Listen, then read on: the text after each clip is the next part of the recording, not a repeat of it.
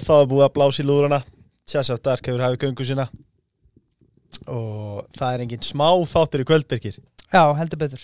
Um, og áðurinnum byrjum þá er Mhm. náttúrulega mikilvægt að koma aðeins inn á bónus. Um, og fyrst og fremst minna þess að bónus og, og Eurosöpi vörur. Uh, það eru með okkur íslendingum í liði þegar kreppir að. Já. Verðbólgar ratar ekki bónus nefnilega sko. Nei, ekki, ekki hillunar í bónus. Nei. En, uh, en að þætti kvöldsins að því að gesturinn í kvöld er ekki að verði endanum það er Margrét Lára Viðastóttir ein besta fótboltakona Íslandsögunar svo besta okkar mati eða Mm. geitin Já, mm, íþróttafræðingur og sálfræðingur verður hjartanlega velkomin Já, takk fyrir það. Takk fyrir að fá mig. Já, okkar er ánægn mm, Hvernig ertu? Bara sjaldan verið betri, sko. Já það er ekki það Jú, búin að leggja börnin, elda góðan kvöldver og reyfa mig og ég er góðan vinnudag, þannig að Úlfatíminn búinn úlfa tíminn búinn, en ég svo sem ekkert með marga úlfa á heimilinu, sko. Þeir svona rísa stundum hátt, en, en alla jafna er þeir bara jákvæmt sjappaði, sko. Já, þannig að þessi tími er ekkit svo slæmur eða hvað Nei, nei, ekki þannig. Ekki að maður reynar að hafa hann bara yfirveðan og góðan og, og hérna, Nei, svona bara einhvern veginn að halda góð jafnvægi, sko. En ég er alltaf með, við, við erum með þrjá Já. drengi. einmitt frá eins og háls til 8 ára og, og það er alveg áskorun sko. Já, það er smá keppniskap ég veit ekki hvað þeir fá það Nei. en, það er eitthvað eitthvað sem er að, matla þarna einhvers konar keppniskap og samkeppni og alls konar þannig að já, já, keppnismannskjan verður bara að díla við það Já. það fær þetta bara í andliti sko. Já það ekki? Það já, ég held að sé svolítið þannig. Maður fær bara nákvæmlega sömu uppskut og maður var sjálfur sko. Já, ég vissi ekki hvað það var þegar hún segði mig hvað það væri sko. Þannig ég bara, já, ok. Er þessi eins og hálsás farin að sína takta eða? Já, já, hann er alveg farin að að rífa sig Já. svolítið sko. Og, og hérna það er búið að brjóta og bramla ímislegt, þessir eldri tvei brjótaði með boltum og, og sokkum. Þessi yngsti gera það bara með höndunum allavega ennþá, Já. þannig að hérna, það er svona það sem er okkur verðmætt, það er ofal í hyllum þessa dagana. Já, Uh, hvernig var alast upp í vestmanni? Bara algjör forritindi sko Mhm. og, og hérna, ég verður bara að segja það að ég, ég er svo þakklátt hérna, foreldrum mínum og auðvitað ömmu mínum og öfum bara að hafa farið aftur heim til gós já að maður fer svona veltaðins fyrir sér sögunni sko, þetta er ekkit sjálf gefið, það voru náttúrulega Það er að fyrir Alls góð ekki. segja menn. Já, ég meina, þið voru það og, og, hérna, og komið tilbaka og alls ekki allir sem gerðu það langt í frá, þannig að ég er mjög þakklátt þeim að hafa tekið þá erfi ákvörðun og byggt upp bæinn og gert hann eins fallega ná nýri dag og, og leift okkur hinum að njóta góðs af og allast þarna upp í þessu frábara umhverfi. Þetta mikið frelsi og, og hérna íþróttir voru náttúrulega mjög ofalega þannig að svona mínir eh, besti vinnir voru náttúrulega í íþróttum og svo reyndar maður að hafa fólk gott sem að, maður þurfti að hafa gott eins og húsverðina til dæmis. Já, ekkert líkilatriði og, og svo var maður eins og grár köttur þarna utan í öllum, öllum þjálfurum að fá að vera með öllum æfingum og í sama hvað íþrótt það var sko. Þannig að íþróttúsi var svolítið heimilumann sko. Mhm. Hvað íþrótt fannst þið skemmtilegst fyrir utan fótbolta? ég var náttúrulega mjög lengi í handbólta alveg þannig að ég var 16 ára og var komin í yngri landslið og í mistarflokka og svona þar líka. Þannig að klárlega handbólti uh, var mjög mjög skemmtilegur. En svo var ég mikið í frjálsum líka. Ég veit að trúir enginn, ég var í sangkvæmustöðum líka þannig Já. ég var að, svona svolítið mikið yngri. En bara í þú veist, alata á íþróttir sko og, og hérna það var lítil körfuboltamenning gegjum uh, þannig að ég snerti lítið á því en, en allt sem var hægt að snerta og, veist, Skákin líka, varst þið henni? Ég var endur ekki henni. Nei, ég hef alveg eh, hef, haft svolítið gott að henni nefnilega já að fara í einu svona einstaklingsýþrótt sem að var bara svolítið að reyna hugan og einbyttinguna og, og hérna, það hefði nefnilega verið fínt fyrir mig og það sem að keppniskapið það hjálpar ekki að vera með það svona út á við. Að- byrgja það inn í sér og, og hérna læra að höndla það svona í ákveðnum ástæðum. Þannig að ég hefði haft nefnilega gott að ég að fara í skákina sko. Já, já, aldrei á Já, sentlegur skákin er nefnilega harður húsbóndi þegar sko, að því að bara að vera í einstaklingsýþrótt og þegar þú ert í, þú veist, að keppa með huganum það gerir mig alveg geðvikan sko. Já, og get ekki kent neinum um nema sjálfum Já. sér sko Það er mjög þreytt sko Mér finnst það verst sko. Ég spilaði bara lengur um fólkan í fótbolta en, en að tapa í skák, það gerir mann alveg sturla Já. sko. Já, ég get alveg ímyndað með það og ég, hérna, sonu minn, hann er nú í, el- elsti sonur okkar er í handbólta og fótbolta, svo hann er svona búin að vera fyk, fykta svolítið við golf mm. mm. og mér finnst það rosa gott fyrir hann að, að að fá hann inn í þessar, þessar aðstæðar sem hann er svolítið að reyna sjálfan sig og, Já, og einmitt, þú veist þar má maður alls ekki missa hausinn sko. það Nákvæmlega. reynir rosalega á að einbyttinguna og, og halda svona einhvern veginn jafnvægi í, í skapinu þannig að ég held að það sé gott fyrir okkur öll sérstaklega við sem erum svolítið svona getur verið blóðheit í íþróttunum að- að að- að læra aðeins að hemmja það algjörlega Klárt mál. Uh, við ætlum að fara um viðan völl í kvöld og ræða nýmsi mál og hikum ekki við að fara fram á aftur í tíman til skiptis. Uh, en ef við byrjum á að minnast enn aftur á þess að frábæri ferð sem við fórum til Köpen og Lingby, Tjóðlega góð að ferð með þar það var hrikalega gaman. Um, en við kíktum til Freys Alexanderssonar uh, og hann talaði einstaklega vel um þig. Uh, þar sem hann heldur fram að ef það er ekki meðist hefur orðið topp 5 í heiminum.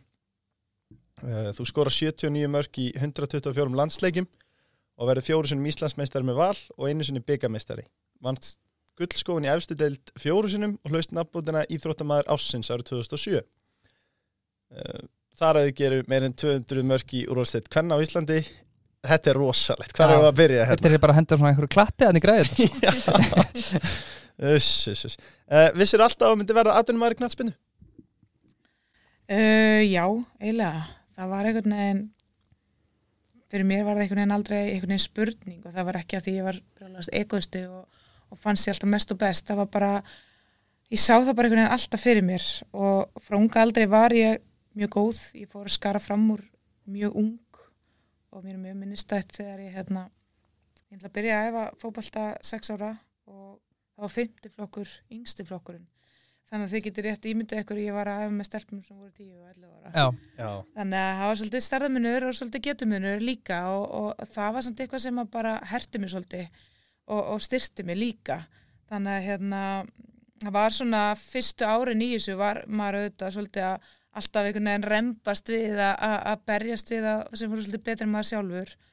Svo æfði ég náttúrulega líka mjög mikið með strákum og, og auðvitað var ég svolítið í hugarheim þeirra í vikjana og ég einhvern veginn bara svona barslega eðli sagði mig bara að ég auðvitað er að fara að spila með Manchester United eða Liverpool því að þar strákanni gerðu það og það voru markmið strákana og ég var raun og veru bara með sum markmið.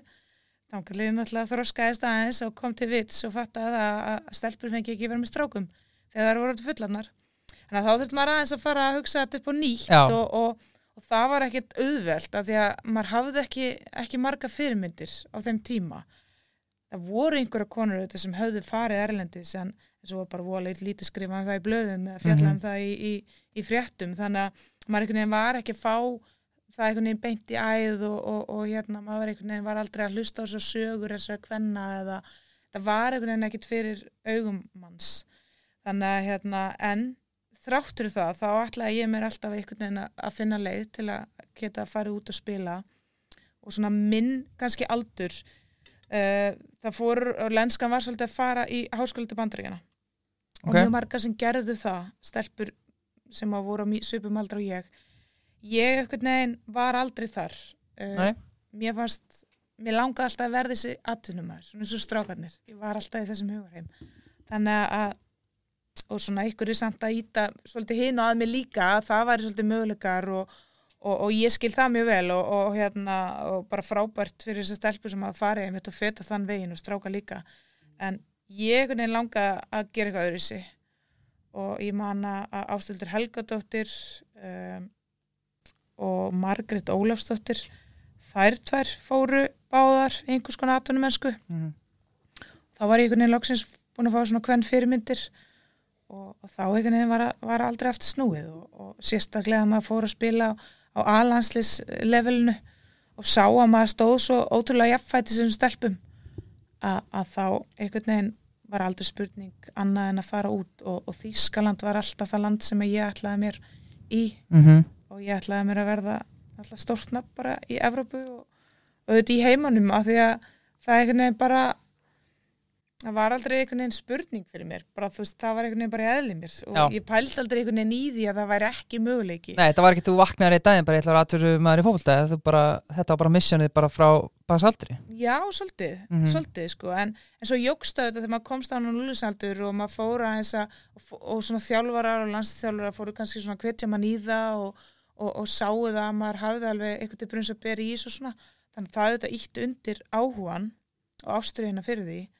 þannig að já, ég myndi segja að þetta hafa alltaf verið verið stefnan sko. Mhm.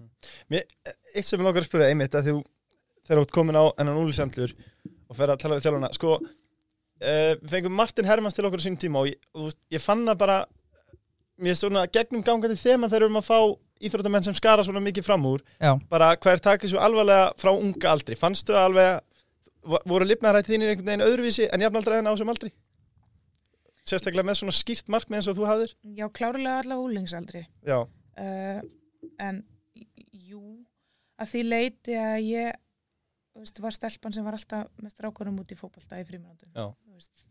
ég var fyrsta mannskja hljóp niður, náði boltan hljóp út til að ná markinu með vindu, þetta er alltaf vindur í veist, ég var bara all in þarna og hérna í leikumi vildi ég alltaf vera bara veist, helst með strákanum og í áskorunu þar og í látunum og veist, þannig að ég er svona ég á náttúrulega tvo eldri bræður og má ekki gleyma því og, og náttúrulega Elsa sýstir fimm árum yngri en ég. Þannig að ég var svolítið vöndi að vera svolítið að djöflast með strákanum og oft bara eldri strákum sem voru oft að tuska mig bara ansi mikið til.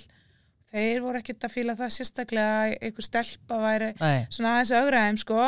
Ég augraðum alveg. Já, og hérna þannig að já, ég, ég held að veist, þetta hefur einhvern veginn alltaf verið stefnan og, og svona, já, og, og úlingsaldri einhvern veginn, veist, ég dætt aldrei í einhvers konar skemmtana líf eða drekki ekki ennþá áfengi og, og svona einhvern veginn bara mitt lífverðni snerist alltaf um það að, fótballtinn var nummer eitt og það var ástriðan og ég tók bara allar ákvörðun út frá því og, og það var einhvern veginn bara með, með það að leiðaljósi ég var að taka besta ákvörðunum fyrir mig sem knaspinukona, auðvitað mjög egoist sko, já, já, maður sér það alveg þegar maður er án eldri og maður er hættir þessu og farin að sjá hans, fá hans fjarlæg frá þessu skilur að að- að auðvitað var maður mikill egoisti á, á lungum köplum en ég held að það þurfi líka einmitt. til þess að verða alltaf góður ykkur maður þarf alveg að vera ákveðin egoisti og, og setja svolítið sjálfan sig og, og íþróttunum sína svolítið í fórgang Já, algjörlega en ég var með heppin að ég,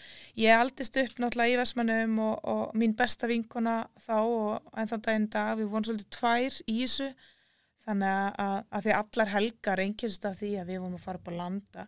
Það var hann okkur tampoltaleikir eða fótboltaleikir eða 19 ára landsæðing eða 17 eða aðlandslið eða, yngri landslið handbolta. Þannig að veist, við vorum bara upp á fastalandinu hverju einstu helgi þannig að það var hvað sem er engin tími eða mikið svigurum fyrir einhvers konar félagslíf eða, eða skemmtana líf sko.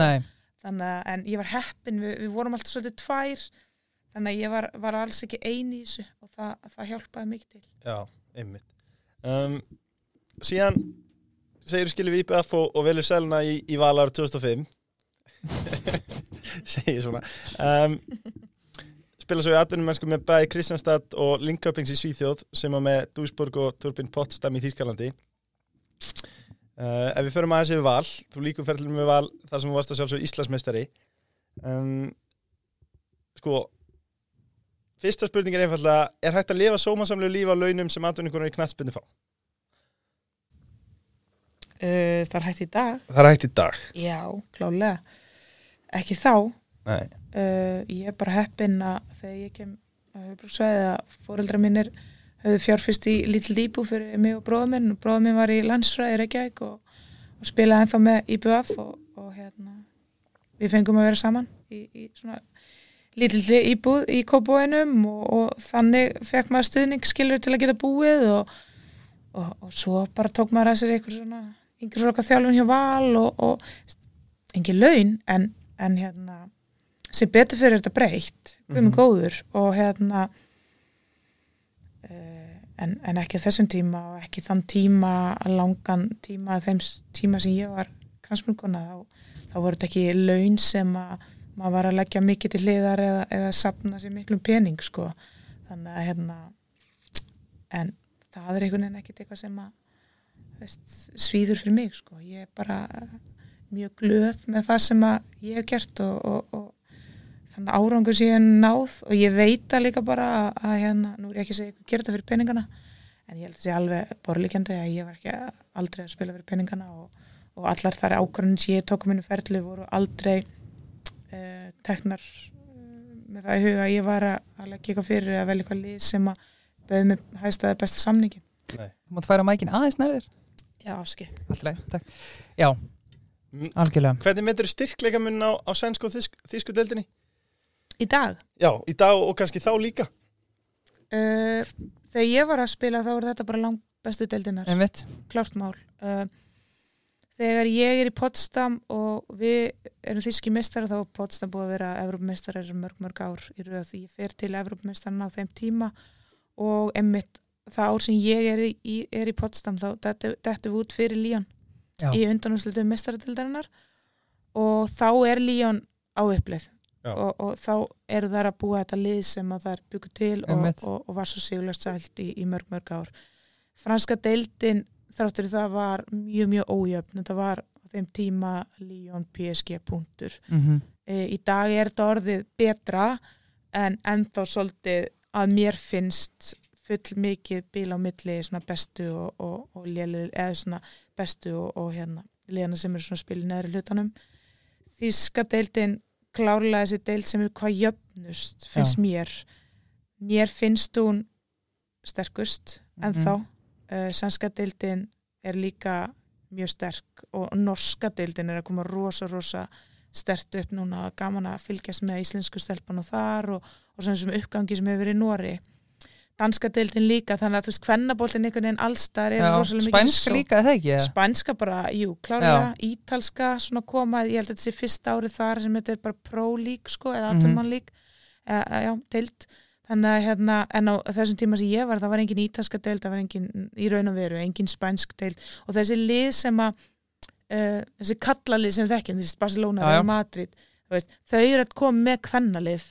Og veist, mér finnst það ótrúlega sjármyrandi já, ég hérna, ég sé fyrir mér ég lítil tíu ára rauðhær stelpa í IBF-búningnum ég hef verið með Barcelona og, og Manchester United bara veist, merkinu bara vekja mér og, og, og meistaradelda byggarinn sko því þanga ætlaði ég sko Já. 100% en það er líka svolítið sem var á mínum tíma svolítið erfitt að, að þú veist, kvennaliðin voru ekki sam og kallaliðin þú veist, Turbine Potsdam þú veist, þetta, er bara, þetta var langbesta lið í mörg mörg ári kvennaboltanum. Já veist, hvað er það, veist, ég meina það Ég þekkir enginn það það. Akkurat, veist, það er enginn sem þekkir þetta nafn nema bara fólk sem hefur lifa og hræst í kvennafókbalta þannig að það er orðið einhvern veginn miklu meira sjarmirandi allt saman að, að þessi stóru svona kalla lið eru komin með kvennalið og, og ég held að það gerir bara, bara eins meira spennandi fyrir þessu ungu stelpur í dag það getur farið til Englands og spila með City og Chelsea og, og þú veist, eða, eða. Spánar og Barcelona og Real Madrid og, og þú veist Þannig að þetta er allt orðið miklu, miklu skemmtilegri veruleiki fyrir þær og, og miklu meiri bóði líka. Allar þessar deildir eru rosalega flottar og, og mikill uppgangur og ég sé alveg að Norðurlautin þau eru að, spýta svolítið í, þau eru Mhm. að passa sig að verða ekki eftir á að því að, að hinn, hinn landin er svolítið Já, já. stærri og kannski meira sérmennandi að fara í, í Real Madrid eða Heldur um brann eða eitthvað já, þú veist, já, þú veist þetta hljómar, þú veist, einmitt ekki eins kannski spennandi en þannig að ég tek hatt með nóga fyrir, fyrir skandinöfunum, þeir eru að gera flotta hluti, þeir eru svolítið að auka í og auka um fullun hana og, og þeir verða líka að gera það, svo þeir verða ekki eftir á því að hinna deildinnar eru á, á fljúandi ferð sko. Mhm. Og er bara fara að stækka held ég Já, Já, 100%.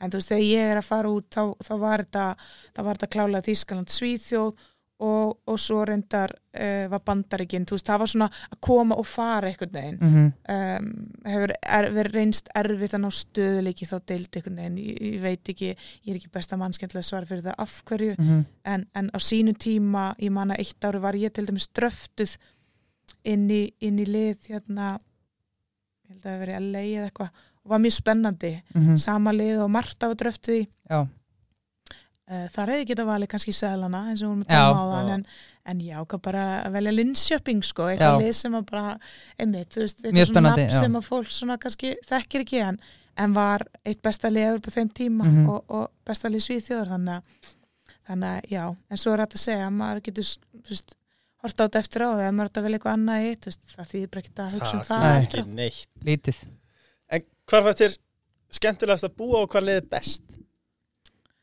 Já, uh, þetta var bara svo ótrúlega misjamt, myndi ég segja.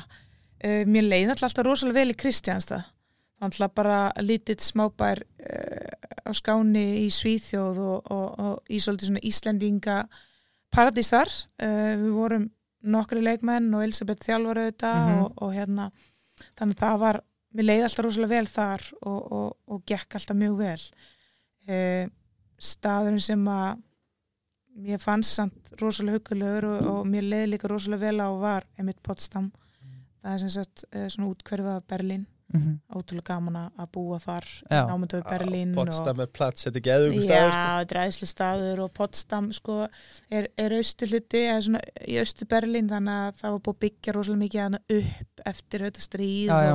og ótrúlega mikil saga og, og menning og, og hérna litla stelpan frá Vestmannu hún alltaf bara þú veist, fekk tremmagast og alltaf bara að leggja bíl eða keira bíl í Berlín og þú veist, þetta var ákveðin skóli skilji þannig að bara mér leið alltaf ofbúslega vel þar og, og þú veist ég er svona að fæ ennþá pínilt í hjarta því ég þarf að hugsa til þess að ég þurfti að fara var svolítið tilneita að fara úr því félagi því þar var ég komin í Mekka, þar var ég komin nákvæmlega þann stað sem ég alltaf dreymt um. Ég var að spila með bestu fótboltakonum í heimi Mhm. og ég var bara eina af þeim og það var svona staðfyrst ekki mín á því. Já, að ég vissi það, mhm, ég vissi ég væri þarna. Og, og hérna þannig að það var, það var rosalega erfitt að, að þurfa að fara þaðan. Ef við fáum að grípa þennan bolt á lofti þú útskýrir af hverju þurftur að fara þaðan? Ég var bara í, í bölvu basli með skrokkin á mér. Já, eins og ég var bara frá því að ég raun að veru ég var valin íþróttum ára ásins 2007 mhm, ég lendi bara í einhvers konar ofþjálfun eða veist, ég veit ekki hvernig ég útskýra bara meðst sem að þú veist, hafa fyllt mér allar Mhm. götu síðan já, og gera enn í dag um, einhvern veginn fáir sem hafa einhvern veginn náða setja puttan á það hvað þetta er eða hvernig er þetta að vinna með það eða þú veist, mögulega bara ofþjálfun já og lendur bara á vegg bara, þú veist, eins og segir, það er ekkit eitt var ekkit eitt staður í skroknum sem var bara, þú varst bara búin á því bara, já, ég er bara búin á því andlega og líkamlega og, og í þessu umhverfi og við vorum með náttúrulega um, þjálfari sem var, var 70 ára bara frábær þjálfari. Gamli skólinn. Gamli skólinn og, og þú veist, ef þú æður ekki og spilar ekki og þú veist, það, það gekk bara það sama yfir alla og, og þú veist, ef ég fór út af eða, þú veist, eða, þú veist, að, það var ekkert svona kvíla þú kvílir dag eða þú ert bara með uppbytun og það var ekki, þú veist, það var bara ekki við líði og, og menningi þarna var, þetta var ekki samþitt þannig að hérna, engin álagstjórnun eða neitt? engin og, og við æfðum, þú veist, þrísvort dag yfir þegar mest var í, á undirbúinstýmbili þannig að skrokkurinn með var bara gjörsanlega búin á því og gjörsanlega búin á því bara andlega og líkamlega og það var allt búið að reyna. Mhm, þú veist, það var allt í formi að æfa meira, þú veist, farið þá líka í Pilates, Já. uh, farið Já. líka í hérna, veist, þannig að stundu var að vera að ringi mig klukkan 10 allavega á kvöldin og, og skipa mér að fara að mæti sjúkraþjálfun, þú veist, þá þriðju sjúkraþjálfuna mín yfir daginn, þannig að þú veist, það var allt reynt, hvort að aðferðnar hafi réttar, þú veist það er alveg hægt að gaggrina það skiljið en, en, en svona var þetta bara þá og, og hérna en mikið óbúslega var, var erfitt að kveðja þennan staða því að ég man bara undirbúinstimbulu, við spilum ykkur nokkuð leiki og, og vorum alltaf að spila mútið kallmönnum, það voru æfingarleikinir og, og þú veist, ég var markast í leikmaður liðsins á, á, á undirbúinstimbulu, hver er að telja? Jú, ég, að ég, ég var, vissi það og, veist, og vildi vita það.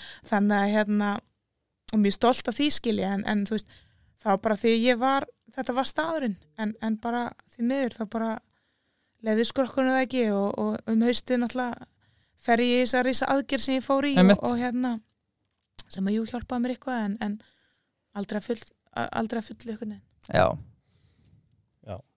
Hún hefði kannski þurft bara svona a gap year. Hún hefði bara fengið eitt ár til að kvíla skrokkin Já, þetta, já, þetta, þetta fyndi hvað Þetta hefur breyst mikið Þetta myndi aldrei gerast í dag held ég Þetta myndi aldrei gerast í dag, ég menna þegar ég er íbyrð að fara 2004-05, við erum byggamistrar og, og endum í örsat í Íslandsmóti, það var ekkit, Heimir Hafgjarsson var þjálfarinn okkar sko, en þú veist, það var ekki sjúkraþjálfari. Nei. Ég hafði aldrei, snjú, sjúkraþjálfari hafði aldrei snert skrokkin á mig fyrir en ég var tvítug eða nuttari eða, eða nokkur skapaði maður eða konaskili, þannig að, þú veist, það er ekkit óeðlilegt þá skrokkurinn hafa bara gefið sig, þú veist, ég Mhm. spilaði upp fyrir mig tvo, þrjá flokka í handbolta og veist, ég spilaði minn fyrsta alansleik 16 ára, skoraði minn fyrsta leik, ég keirði af starfsmanni KSI á laugavat til að æfa í 17. já, já, eðlilega, já. Veist, þetta er ekki í dag, er þetta, þetta, þetta er engum að kenna, þetta Nei. var bara menningin. Ég spilaði með 17, 19, 21 um alanstinu alltaf sama árinu. Já, Ég menna, það væri bara ykkur í dag, heyrðu, afsakið, þessi stelpa við þurfum aðeins að stoppa, þú veist, veist, hún, hún, fer, hún fer bara í ofþjálfun hérna eftir eitt, tvö ári Já. ef þetta heldur svona áfram. Ég man eftir einni sögu sem var, afsaki, aðna, sem var svipuð, sem að Arna Gunnlaugs talaði með einmitt þetta við okkur, að hann var að æfa með einhverjum 17 flokkum eða eitthvað og þú veist, það var, veist, og það var í mýflugum með það sem margætt er að tala um, sko. Já, ég nefnilega hef hlust á Arnar og, og oft í podcastum og, og, og kann mikið og vel við Arnar Gunnlaugsson og þekkja nákvæmlega tengi ótrúlega mikið Já, við margt í hans sögu. Svona þetta bara já, ég ætla alltaf að vera aðtunum þú veist, það Mhm. var einhvern veginn aldrei veist, og hæpi í kringum að þegar maður var yngri þú veist, maður var ekki að pæla í þessu. Þetta var einhvern veginn náttúrulega fyrir manni og, og svo þessi meðsli svona, hvernig þau svona tóku frá manni svolítið mikið sko. En þeir geta valið því það er líka bara margt gaman og, og gott sem kom út úr þessu og, og, og þú veist en það var ótrúlega mikilvægt fyrir mig að ná þessum tími í Potsdam. Bara svona pínu staðfestik fyrir mig já, ég, var eina af þeim bestu já, Já. gott í, gott í ákveðin, hjartað já, geðasteinpill. Já. Uh, Kemimenn, uh, þeir vilja, já, þeir vilja reyndar fyrst minna á klussan góðalegur og fara að allra besti Uh, þeir vilja fara yfir uh, Dúisburg tímaðin. Er það sama eða? Nei. Nei, Nei, Það það, er annað. annað, já, Það ég vissi annað. það Ég fekk bara svona smá 40 mörg í 80 leikjum uh, Mark, nú er ég ekkert sérstaklega starfur ekki annað hvað leikur eða? Mark, Jú, Já, ég, já, mér, Helgi. mér reiknast svo til það er helviti gott uh, Hefur ekki geta valið öll í heiminum á þessu tíma Ég var að, hlust, ég var að lesa viðtal við í dag um hennar tíma það sem að þú ferði við brottkarið frá þessu liði var hvernig var þessi tími? Ég er svona að veit sirka svarið en hvernig, hvernig var þetta? já, hann var bara ótrúlega skrítin og, og þú veist þarna fór ég lið sem að var einmitt besta lið í Þýskalandi á þeim tíma. Ef við förum í tímaröðuna, sorry ég- þarna, þarna er þetta svo, hvort er þetta fyrst í Dúisburg eða Potsdam? ég er fyrst í dús, Já, einmitt já, þá var ég bara 19 eða eitthvað. Já, uh, og þetta er svona mitt fyrsta skref einmitt. í átta atvinnumennskunni, ég var búið með mennskólan og, og það ætlaði að taka mér eitt ári frí og, og aðeins að prófa þetta Já. og sjá hvað ég fílaði og, og, hvað ég vildi og svona.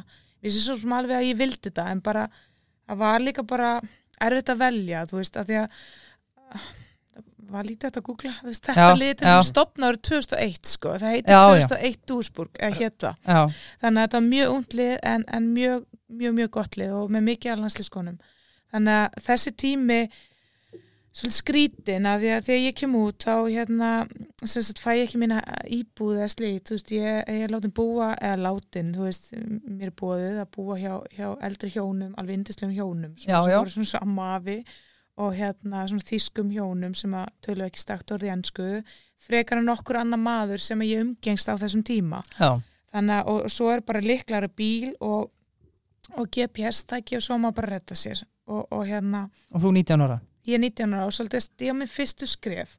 Og, og auðvitað bara að pínu lítið í mér einhvern veginn, skil ekki til þýsku og einhvern veginn oft fólk gæti ekki útskipt fyrir mér hvað var að gerast á æfingu eða en þarna aftur gekk mér óbúslega vel. Veist, ég kem bara hann að spila fyrsta byggalegin eða mótið mitt Potsdam og skora og, og eitthvað að leggja upp og, veist, og bara einhvern veginn draumun heldur áfram. En samt einhvern veginn kom mér aldrei óvart ég bara, ok, veist, það er bara svona er þetta bara, þú veist, ég spila og ég skora og ég stend mig, veist, það var Já. bara það sem að maður alltaf að stefna að þannig að, og, og svo einhvern veginn var þjálfan rekin mm og hérna þú varst ósáttuð við það ekki? Ég, jú, ég var bara mjög ósatt við það hann alltaf fekk mér til liðið og, og hafði trúa mér og, Mhm. og var, var mér næs en svo var það bara svo skritin tími þú veist, aðstæða þegar hann tekur við og hann er uh, kærasti leikmanns í liðinu og Já, það er alltaf einhver svona skrít, skrítin væp sem maður er svolítið að fá þarna. Ég kem þarna og, og, og er svolítið að- svona kannski að stífa okkur tvær líka nokkra tær ok. Uh, svona einhverjum þýskum eldri reyndari leikmönnum og Varst að henda þeim að bekkin eða? Það, já, svona meðal annars og, og, svona, og þær voru kannski ekki Þú er eitthvað 19 ára stelpa frá Íslandi bara Já, og svona bara, þú veist, bara glöð og brosandi og Já. svona kannski, þú veist, svona, í- aðeins öðru sér takt en þær, sko. Þjóðurinn, var hann ferkandaður eða? Já, mjög, og sérstaklega á þessum tíma. Þú veist, ég meina, ég er eini erlendi leikmaðurinn í Já. liðinu, Já, allt annars þýskar stelpur og, veist, marga hverjum frábærar, ég egnaðist mjög góða vinni þarna, sko. hafður, sorry að því að varst að tala um Googlið, varstu með mörg önnulið ef við fórum aftur að horfa í baksinu speilin? Á þessum tíma, Já, þeir eru ákveður þarna að uh, Potsdam. Þetta gerist náttúrulega allt eftir það að við spilum í Evropakefni, Valur já, á móti Potsdam, Einmitt, tölpuðum held ég eitthvað 11-0 og, og 12-1 eða eitthvað. En málega bara í þessum leikjum að já bara frábæra leiki og eins og á móti Potsdam þú veist, ég var bara að, að svolítið að rúla þeim svolítið upp sko, þó ég sé sjálf frá. Og, og þannig, að- þannig að þýskulegin vissa mér ok. því að þau fylgdist með Potsdam en, en ekkert mikið annað á þessum tíma Nei, nei. En, en ég menn þetta voru líka tvö bestu lið bara í heimi á þessum tíma þannig að, að ég fór í heimsótt á báða staði og skoðaði mig um en, en leist einhvern veginn betur á andrúsloftu þarna Mhm. í Dúsburg aftur mjög óspennandi staður er svona verkamannaborg bara Já. svona, þú veist Köln reyndar hann rétt sér að fór mjög oft þangað þannig að hérna en þú veist, bara lærdómsríku tími en erfiður Já. erfitt að búa ein einhvern veginn inn á fólki og, og, og þú veist, það var bara æfing og svo var einhvern veginn enginn að ringi mig og beða mig eitthvað með að hitta stelpuna byggu líka út um allt einhvern veginn Köln og Dúsburg og það var ekkert svona, komur að segja, það var ekki svona kjarni Nei. einhvern veginn þannig að- já, ég, ég svona eins og ég get verið ok, þú veist þá bara fyrir við aftur heim í já. og bara byrjum bara upp á nýtt skilur Já. Varstu einmann að það? Já, ég var mjög einmanna en, en reyndar besta vinkona mín aftur, tala um hana sem að var að þvælast með mér á landslýsæðingarnar henni í den hún sem sagt einmitt, lendi á þjálfun Mhm. uh, og gæti ekki spila fótbolta eftir 15-16 ára.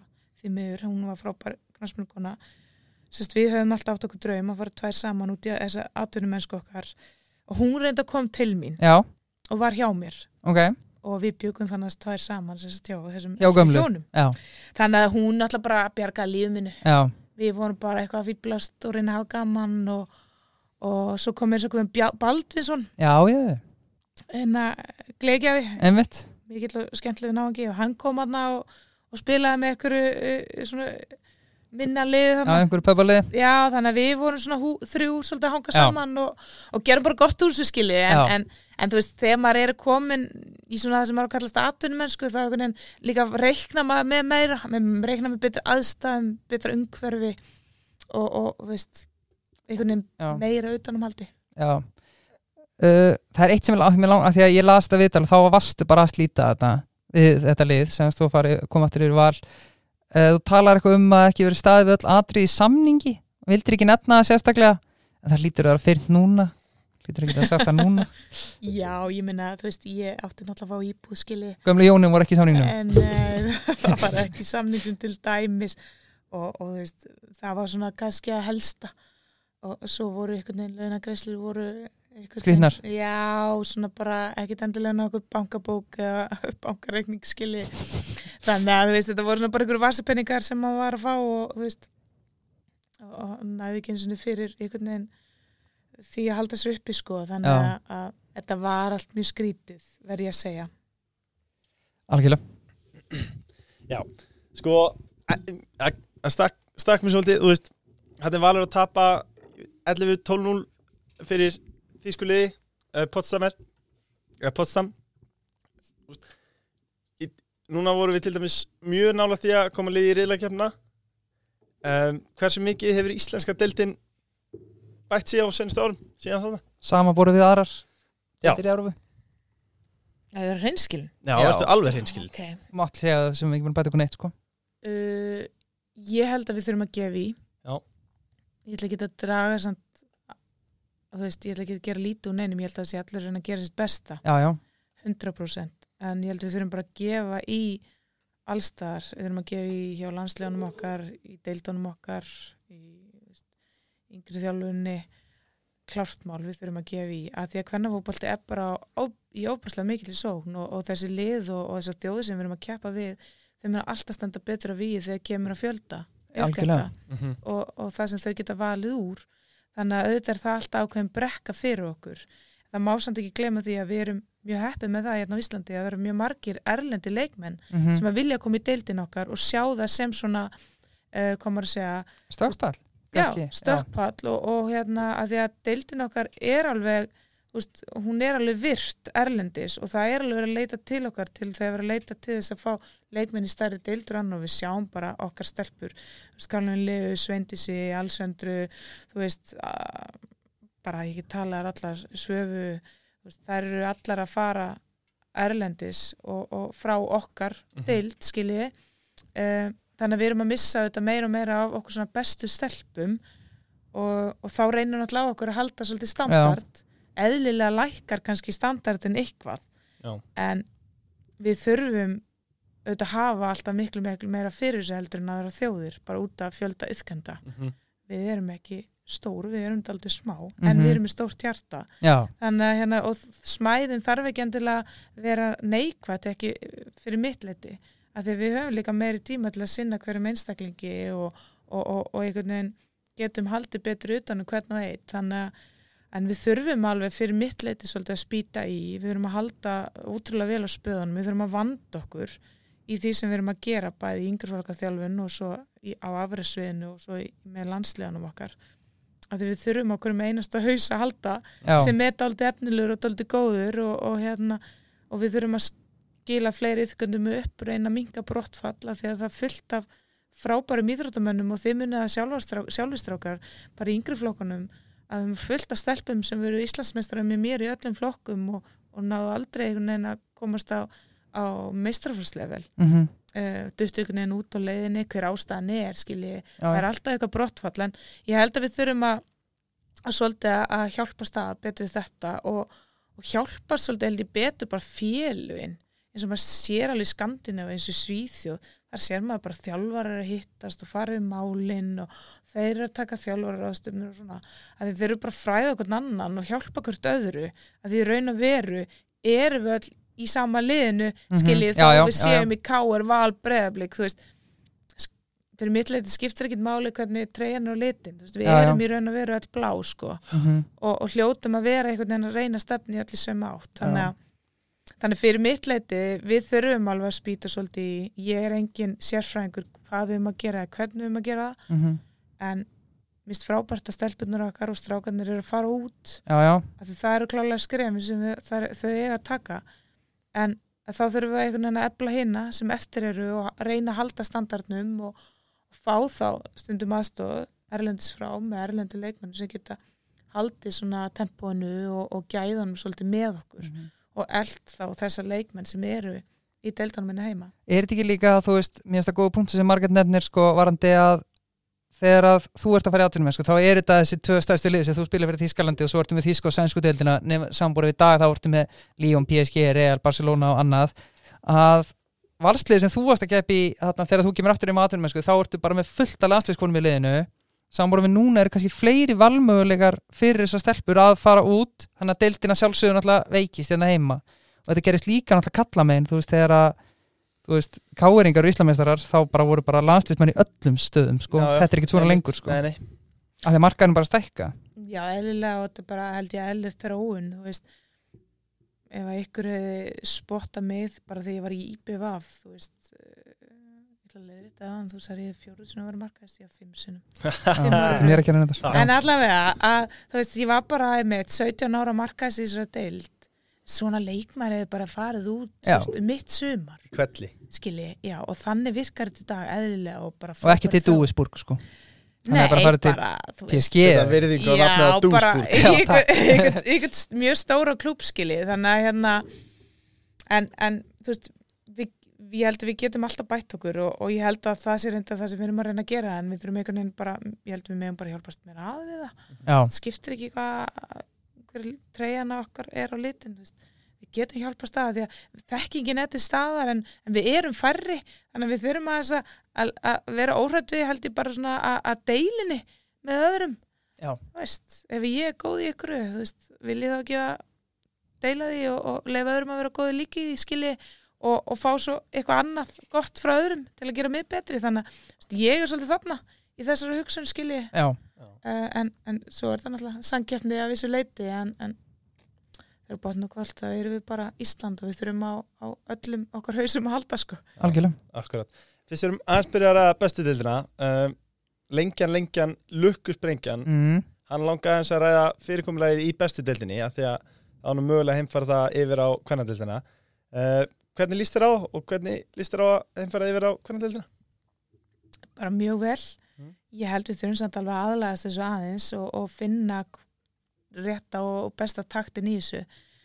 Mér fannst reyndar þó að kattadeldin var að spila núna til lok oktober þá voru bara vellirnir bara í fínustandi var bara geggja við um helgina. Já, og vorum bara reyndar mjög heppin með oktober mánu en mér finnst reyndar haustin og Íslandi vera að einhvern veginn að hlína og, og, og verð, þú veist, við erum ekki farin að fá þessu brjálegu læðir sem við erum að fá í desember, janúar, februar þannig að, að mögulega er alveg hægt að spila þetta fram til hausti. Ég er algjörlega þess eh, skoðunar og ef við bara tala út frá mér sem leikmanni, ég elska að spila meira leiki og, og Mhm. fleiri leiki og lengra tímabil og, og minna undirbúnstímabil þannig að Já. ég held að hljóta allir að vera saman um það uh, auðvitað er það svekkjandi að eins og þetta var í ár að í raun og veru svolítið fyrir sé hvaða lið myndi vinna bóttbarða var alveg spennandi Já. þannig að þessi úrstöldakefni gerði, þú veist, fyrir bóttbarða var alveg hún var alveg fín uh, fyrir utan fyrir keflaðið og fram. En, en toppbarðan var náttúrulega bara engin.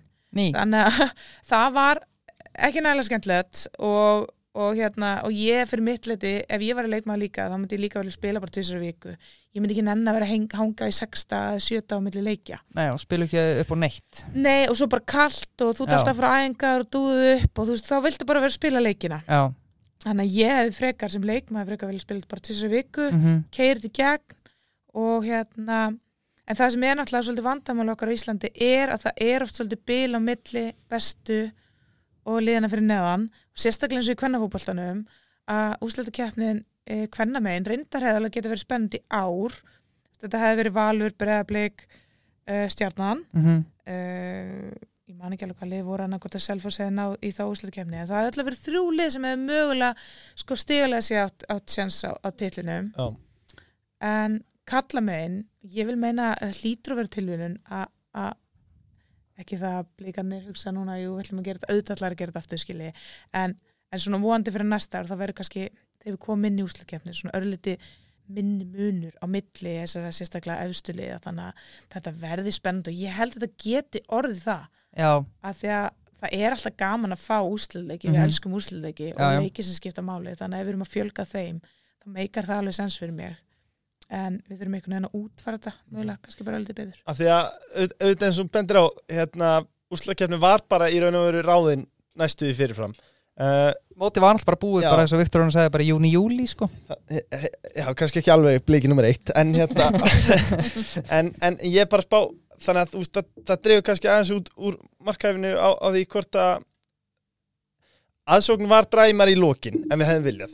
Spurning hvort það hefði verið hægt að byrja fyrr af því þá er fólk líka spennt að mæta völlum frekar en að enda seint er það Já. eitthvað sem að sér fyrir? Mér finnst það alveg góð punktur það eina sem ég finnst stundum eru vorin alveg erfi fyrir okkur vellinir eru stundum bara við sé myndir hérna Mhm. fótbolta.net net er að labba Kartöflu alla garðir hann, já. Þú veist, og, og eiga völlurinn en það bara grár og, og ég fyrir á skjóli eða þú veist, náttúrulega ekki lasta neitt völlskilin úr bara að taka eitthvað dæmi Nei, fróstaskjóli er skjálfilegt hérna, heitur hún reynda meistaravellir í dag en, en, Takk. hérna, um sko.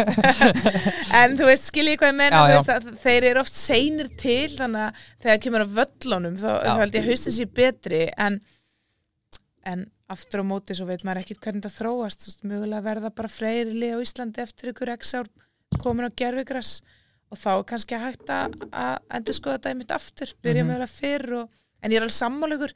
Maður er einhvern veginn spenntari á vorin að byrja Já, heldur en einhvern veginn að vera að draga þetta langt inn í haustið. Hvernig líst þér á þá þróun?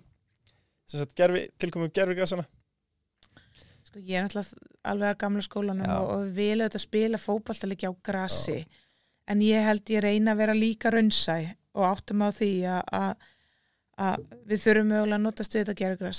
Einhver liði í, í Skandinavi eru til dæmis svona, svona hybridgras sem Mhm. blanda saman. Ég fór á, til Kristjánstæðandaginn í heimsókn og, og það bara leit aldrei vel út það gras, það er svona hybridgras.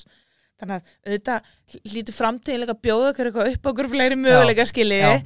Þannig að, að ég veit það ekki, ég má vill alltaf spila fótbolt á grassi en, en ég veit ekki hvort það bara íslenskt viðfær býður upp á. Eitt sem ég langar að, þarna, þú nefndir á hana við þurftum heldur betur að íslensliðið þetta rífa sig í gang, segður Nei, þarna uh, Þetta breytta fyrirkomulega mestarætið Evrópu. Nú erum við búin að vera dóttir nálægt í blikar fóru í var ekki, ekki fyrra, fyrir tveimur árum já, fyrir tveimur árum. Já, og Valur töpu núna fyrir Prag eða ekki? Mhm. Er það því að búið að fjölga liðum er það því að við erum að bæta okkur? Erum við að nálgast toppliðin eða er þetta bara því að út af þessu breyta fyrirkomulegi?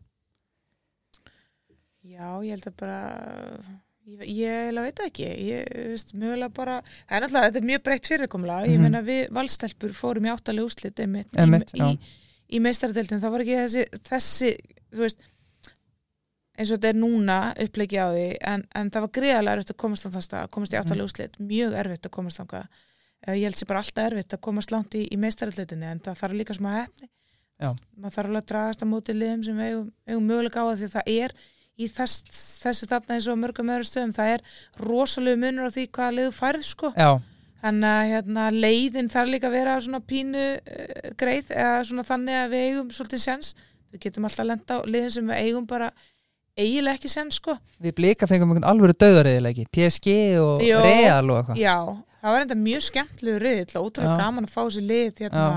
til Íslands og, og, og blíkastelpur bara veitu þessum liðum öllum bara harða leiki Mhm. og, og, og svolítið nýr raunveruleiki líka bara að einmitt að vera að æfa og spila fram í desember sko, ég held að Já. síðasta leikunum þeirra var bara réttur í jóli þannig að það var líka bara að þæra eins að, fetta þennan veg og, og prófa sér áfram og, og, og, en ég held að þetta sé, auðvitað er þetta að stækka hvað, hvað er mörgli í þessar reyla keppni, er þetta ekki hvað er margir reylar?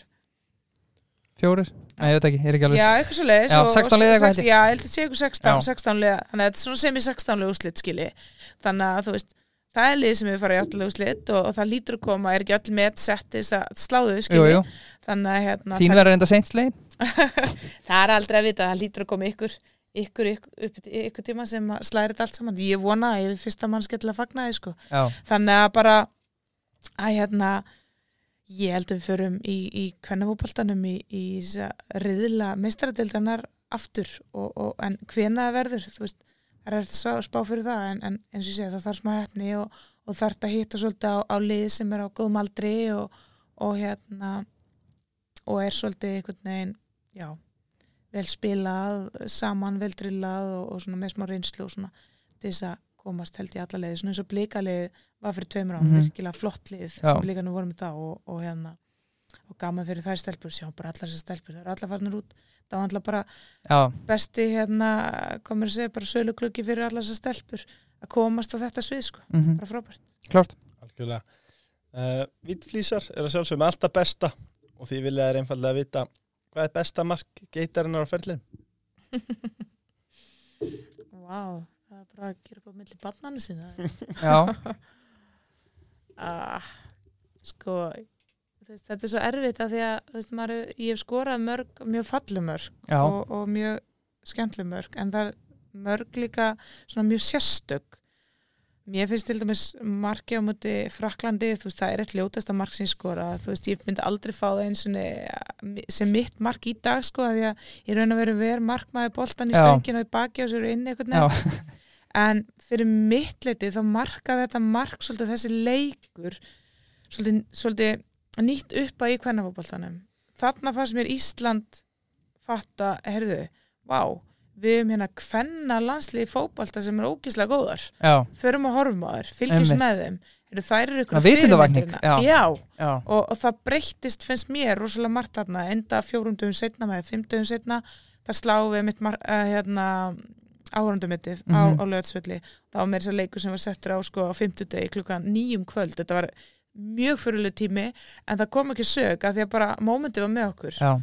Og, og, og þetta er náttúrulega bara líka að vinna Frakland skilji veist, vitum það öll sem hefur íþróttum frakkar eru bara óþólandi góðir í öllum íþróttum og bara eiga það á fjölskrána að unni, unni er allavega einu sinni, Já. er alveg gaman. En, en það sem kom í kjölfarið var líka bara svo einhvern veginn svo stórt og mikið fyrir Ísland í, í kvennafóboltanum þannig að mér þykir ótrúlega vænt um þetta mark þó að það hafi verið eitt að ljótasta sko. já Svo átti hún, sá eitt myndband í dag sem hún skora lögðsveldur um einhverjum 700 metrum sko með val í byggarústælega ekki? Já, einmitt. Það, það mark er svona eitt af þeim svona falleri sem ég skorað og, og maðurinn minn í dag sagði mig þegar hann horfði á þann leik uh, já, hann, hann, ég veit ekki hvort þið hafa, hafa eftir hann minna en hann, hann undraði sér mjög mikið á því að kona geti sparkað svona fast í bolta Já, um, en svo bara veist, erum við hjón í dag við þekktust ekki þá þannig að þetta er svona skemmtileg Já. þið minnir ég að lesa þessu umalega einhvers staðar. já, hérna þetta er mjög, mjög skemmtileg saga sko, þannig að hérna en já, mörg falleg og, og skemmtileg mörg sem að ég skora á lögatsvelli fyrsta marki, landslis, landslismarki með náttúrulega alltaf minnistætt og auðvitað síðasta líka. Mhm, með minni síðustu snertingu líka. Já, fótbataferlinum, þannig að það er svona smá rómatík í því sko.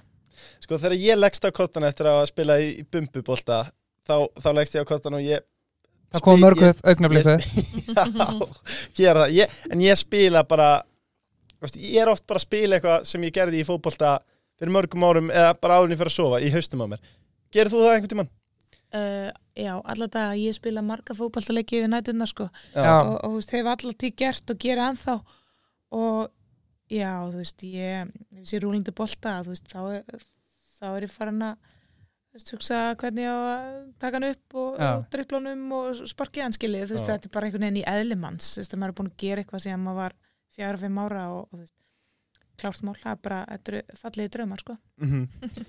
um, Það er ein umræðina sem við erum að taka og ég ætla Þetta er uh, umfjöllun sem við erum fengum lánaða. Mhm, um, sko, og ég vitna nú hérna það var allt vittlust í íslenskum fótbolta haustið 2007 þegar Margrét Lára Viðarstóttir var ekki kjörin besti leikmaður ásins anstæðingar hennar í dildinni þoldu ekki yfirbyrðið Margrétar og hópuðu sér saman og ákvaði í sammenningu að velja því ekki sinn leikmann ásins þú átt magna sumar og skora þarna 38 mörg í 16 leikjum og setur markamett Hólfríð Magnúsdóttir, Káringu var valin leikmaður tímabilsins þráttur að Margrét Lára þáttur að þú hefði bara búið höfur og herðar yfir aðra leikmenn í deildinni.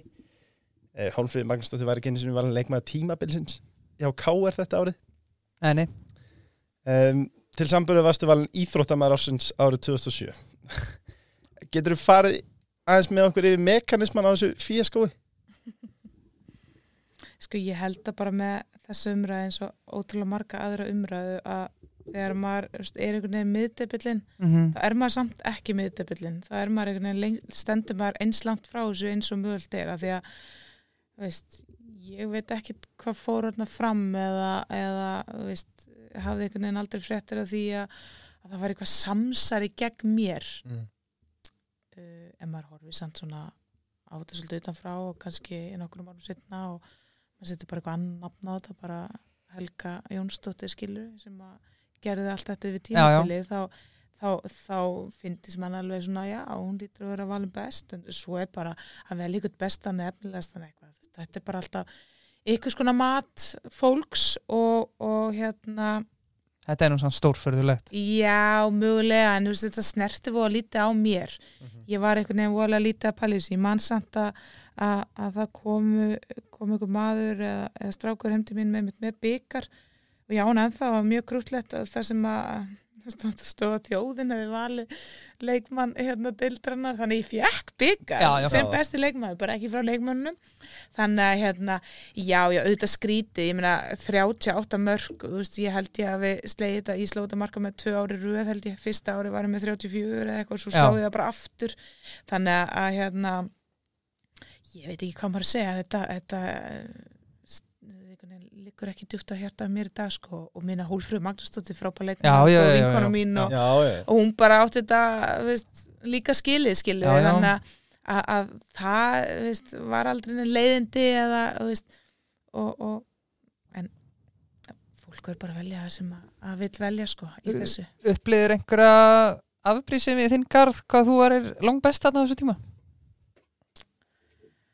Uh, sko, ég skal bara orða þannig að ég, ég upplýði bara mjög oft á ferlinum og bara frá því ég var mjög lítil stelpa ég var ofta stíg og tær uh, ég var ofta að spila fyrir mig ég var komin mjög ungin í mistarflokk bara í Vestmannum og, og hérna og var auðvitað, tæka sæti frá okkur Mhm. og að fá okkur aðdegli meir en ykkur annar um, og já, þú veist baði ég um aðdeglina, nei veist, ég, ég freka verið meira svona hlétræg og, og freka feimin.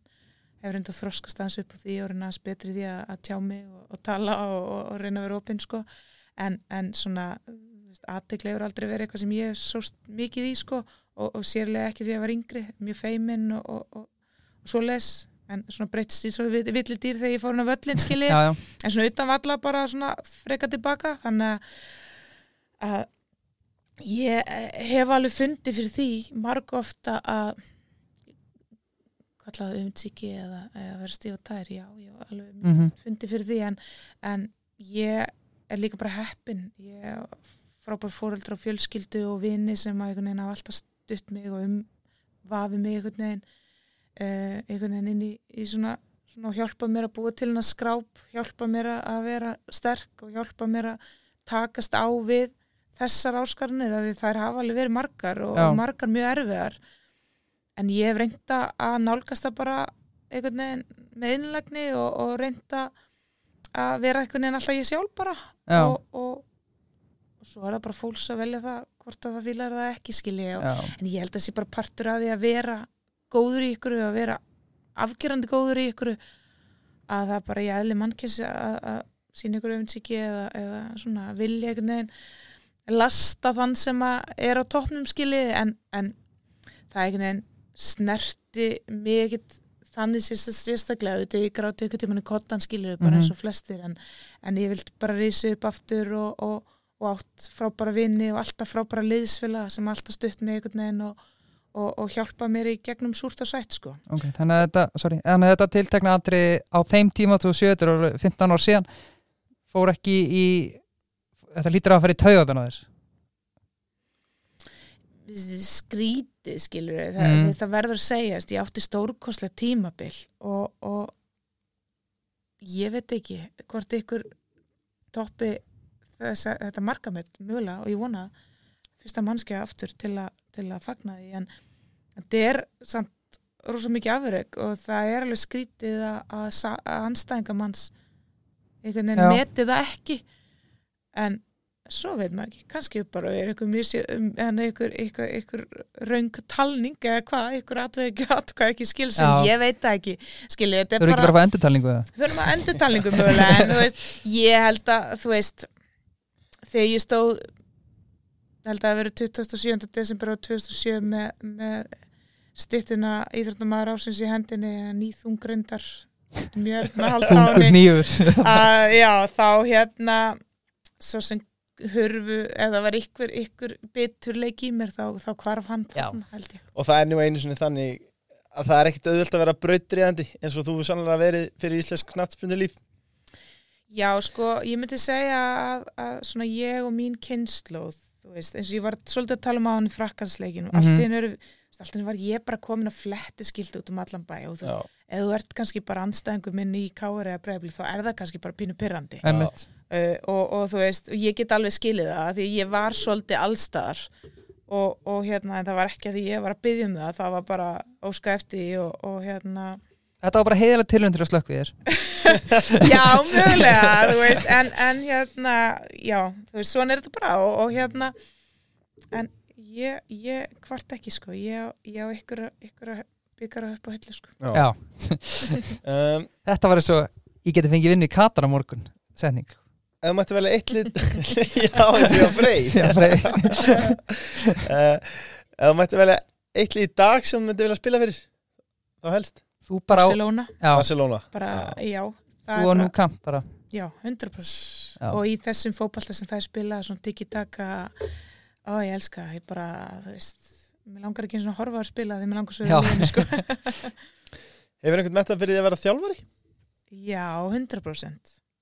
Mér finnst það mjög spennandi vettfangur en, en eins og ég segi, ég er rosa upptökin í, í batnaupildi og, og hérna, mér langar aðeins að að svona gefa tilbaka svolítið fjölskyldinu minni sérstaklega, manninu mínum sérstaklega þennan tíma sem að ég hef verið í burtu í gegnum tíðina, það veist, við vorum átta ári í fjarsambandi og Átta ár? Já, Já. eitthvað svo leis um, þannig að hérna að mér finnst það bara sangjant að, ég sé svolítið til staðar og taki svolítið Það er komið að skuldadöfum Já, þér. Já, svona svolítið, taka svolítið baratunar heima fyrir og, og, og, og svona bara létta undir þar. Uh, sem betur fyrir er ég ekki að það voru færtug þannig að ég, ég sé alveg fyrir mér að geta svona sint þessu áhugamáli minni einhvern tímann í framtíðinni. En á meðan er ég að fá fjallum fótbolta og talum fótbolta og er að halda mig svolítið við þar og maður er svona smá leikarina og, og, og hérna og, og fræðast og, læra og svona. Að hérna ég nota svolítið þann vett núna bara Já, að svo stöttu til að fá þessu útrás fyrir þennan svona fótbolta heila minna því ég, ég var svona einhvern veginn ekki bara leikmaður, ég hafði alltaf mjög mikla skoðunar hvernig var, leikunum var spilaður og hvernig aðri og, og hérna og taldi mig að hafa svolítið svona góð, góðan leikskilning þannig að ég þarf ykkur tímann að fá útrás fyrir þessa þörf og ég, ég meni ég er að þjálfa. Í dag, ég er að þjálfa reyndur áttunduflokk kalla í vilki já en, með góðum árangri við hirt mjög góðum árangri þannig að hérna, ég er að fá svona eitthvað skilji, en, en Ertu byrjað að segja gráðunar? Nei, ég, þar, ég, er, ég, er, ég þarf einmitt að fara að Já. líka koma mér það Setja þess að skólabekk Já, setja skólabekk og bara vera í sumkveri það er útrúlega gaman að ræða fótbolta og, og, og svona á þessu leveli með, með fólki sem að er þar líka þannig að ég þarf að fara í harnari bill og fara að koma mér á þessu bil. Einn í framhjálaupi, hvað er langt þangað til að kona tekur við kallalið? Góð spurning. Já, góð spurning ég, það eftir að gerast alveg Er klart það sko. Jú, ég efast nú ekki um það en, en hérna, að fyrir því fyrir mitt liti þú veist, er þetta ekki spurningu kyn, þetta er bara spurningum bara eins og í öllum öðrum vinnum þú veist, það er bara að, hérna, það er eitthvað sem er bossinn skilur, Einmitt. sem að er kona að kalla skiptir ekki máli svo lengi sem að hann hefur, eða hún hefur getur til, að- til að þjálfa sko. þannig að, að hérna, já, það mun pottir gerst þetta einn sko. Mm -hmm. Klart uh, Smitten, elska enga framtæki. Já Það var ástríkir, Smitten. mm. Uh, já, þeir elska enga framtæki og vilja hrósa Margreti fyrir að hafa reyfið í gikkin árið 2021 og stofna sitt eigi fyrirtæki á samt eigi mann sinni. Uh, þeir voruð eins og segir í, í fjarsambandi í átta ár. Þannig að, Það er Það ég vissi það er ekki þegar ég skrifa spurningu nei, en þannig það er kannski, En spurðu samt þið takið bara fegin sendi að vera í rekstri saman og gift. Um, svona við byrjum á því, hvernig hafa viðtökuna verið? Og hvað gerir fyrirtæki? Sorry. Já, þetta heitir heil heilsumiðstöð og er í net til 2C, við höldum okkur við 110 búsett þar líka, þannig að stutti vinnuna. En, en við erum svona fyrirtæki sem að, sem að starfa hérna, sjúkarþjálfarar, sálfrængar og næringafrængar Elisa sýstir er mitt ein tvekja næringafrænga og, og svo er ég með tvo kollega, klinska sálfrænga og, og svo eru þrýr sjúkarþjálfarar þannig að, að við erum svona að nálgast svolítið uh, líka mann og heilsuna að svona, þessa heildrænu nálgun getur bóðið upp á slík að þjónustu en, en öðrum auðvitað líka bara að vinna svolítið í sikkur lagi þannig séð. Mm -hmm. en bara frábært að fólk getur komið á eitt stað og sótt þessar þrjár þjónustur ef þess er óska þannig að hérna, viðtökunni hefur verið mjög góðar en, en ég held að fólk viti ekkert mikið á okkur ennþá. Þannig að, þannig að það er ekki komin langi bygglistar og, og, og hérna þannig að við bara tökum fegin sendið þeim, þeir sem vil koma til okkar ég er mjög heppin með það að ég vinn rosa mikið með íþróttafólki Mm -hmm. bæði fullónum einstaklingum en ekki síður börnum og ungmennum og það er ótrúlega gefandi að geta svona að, unnið sem klinisk sjálfræðingu með svona íþróttafólki og, og, við tengjum mjög vel saman og, og hérna, kannski eðlilega. Þannig að þetta er bara algjör fórhundið og vinna með mannin sínum og sýstu sinni og við raun og veru er þetta allt uh, bestu vinni mínir þannig að niður frá þannig að maður bara vakna glæður hverju mótni og, og spenntur að fara í vinnu. Þannig að hérna heil heilsumistuð, við erum að leggja það á minni það er, það er staða til að, til að fara á Já, klart mál. Einmitt. Uh, aðeins varandi kvennarlandslið í dag, íslenska. Uh, það er töp á múti Holland og Portugal og þeir allar að höfðu til að segja engin sigur á EM. Já, já, hann er grjótarður sem skrifaði þetta. hann er grjótarður Já, já, uh, sangja já, já, en við erum, og við erum aðeins að færast niður á meðan aðrar þjóður á leiðinu upp heimslistan um, nú vorum við svo ungir þegar að þú varst að spila með íslenska kvennarlandsliðinu en finnst þér liðið í dag betra en var þá? Kalt er það, þessi er erfið. Úf, þessi er erfið sko. Uh, mér finnst bara alltaf rosalega erfitt að svara þessu spurningu af því að mér finnst einhver hvert lið á sinn tíma mm -hmm. og hefur sinn sjarma. Mhm. uh, ég er svo oft verið að spyrja um sömu spurningu hvað er besta lið sem þú spila í? Og, og mér finnst líka að svara þeirri spurningu. Uh, mér finnst við komnar með breyðari hóp. Mér finnst við komið fleiri leikmenn sem að koma inn og bara standa sig eða, þú veist, og, og einhvern veginn höndla levelið eða ef svo ef má sletta í þessu þætti erum við nokkuð rúf, nei. Þannig að hérna, ekki ennþá. Þannig að hérna það er svolítið, þú veist, það sem ég sé að, við erum komna svona með breyðar hóp, við erum komið með fleiri leikmenn að spila erlendis á hái leveli.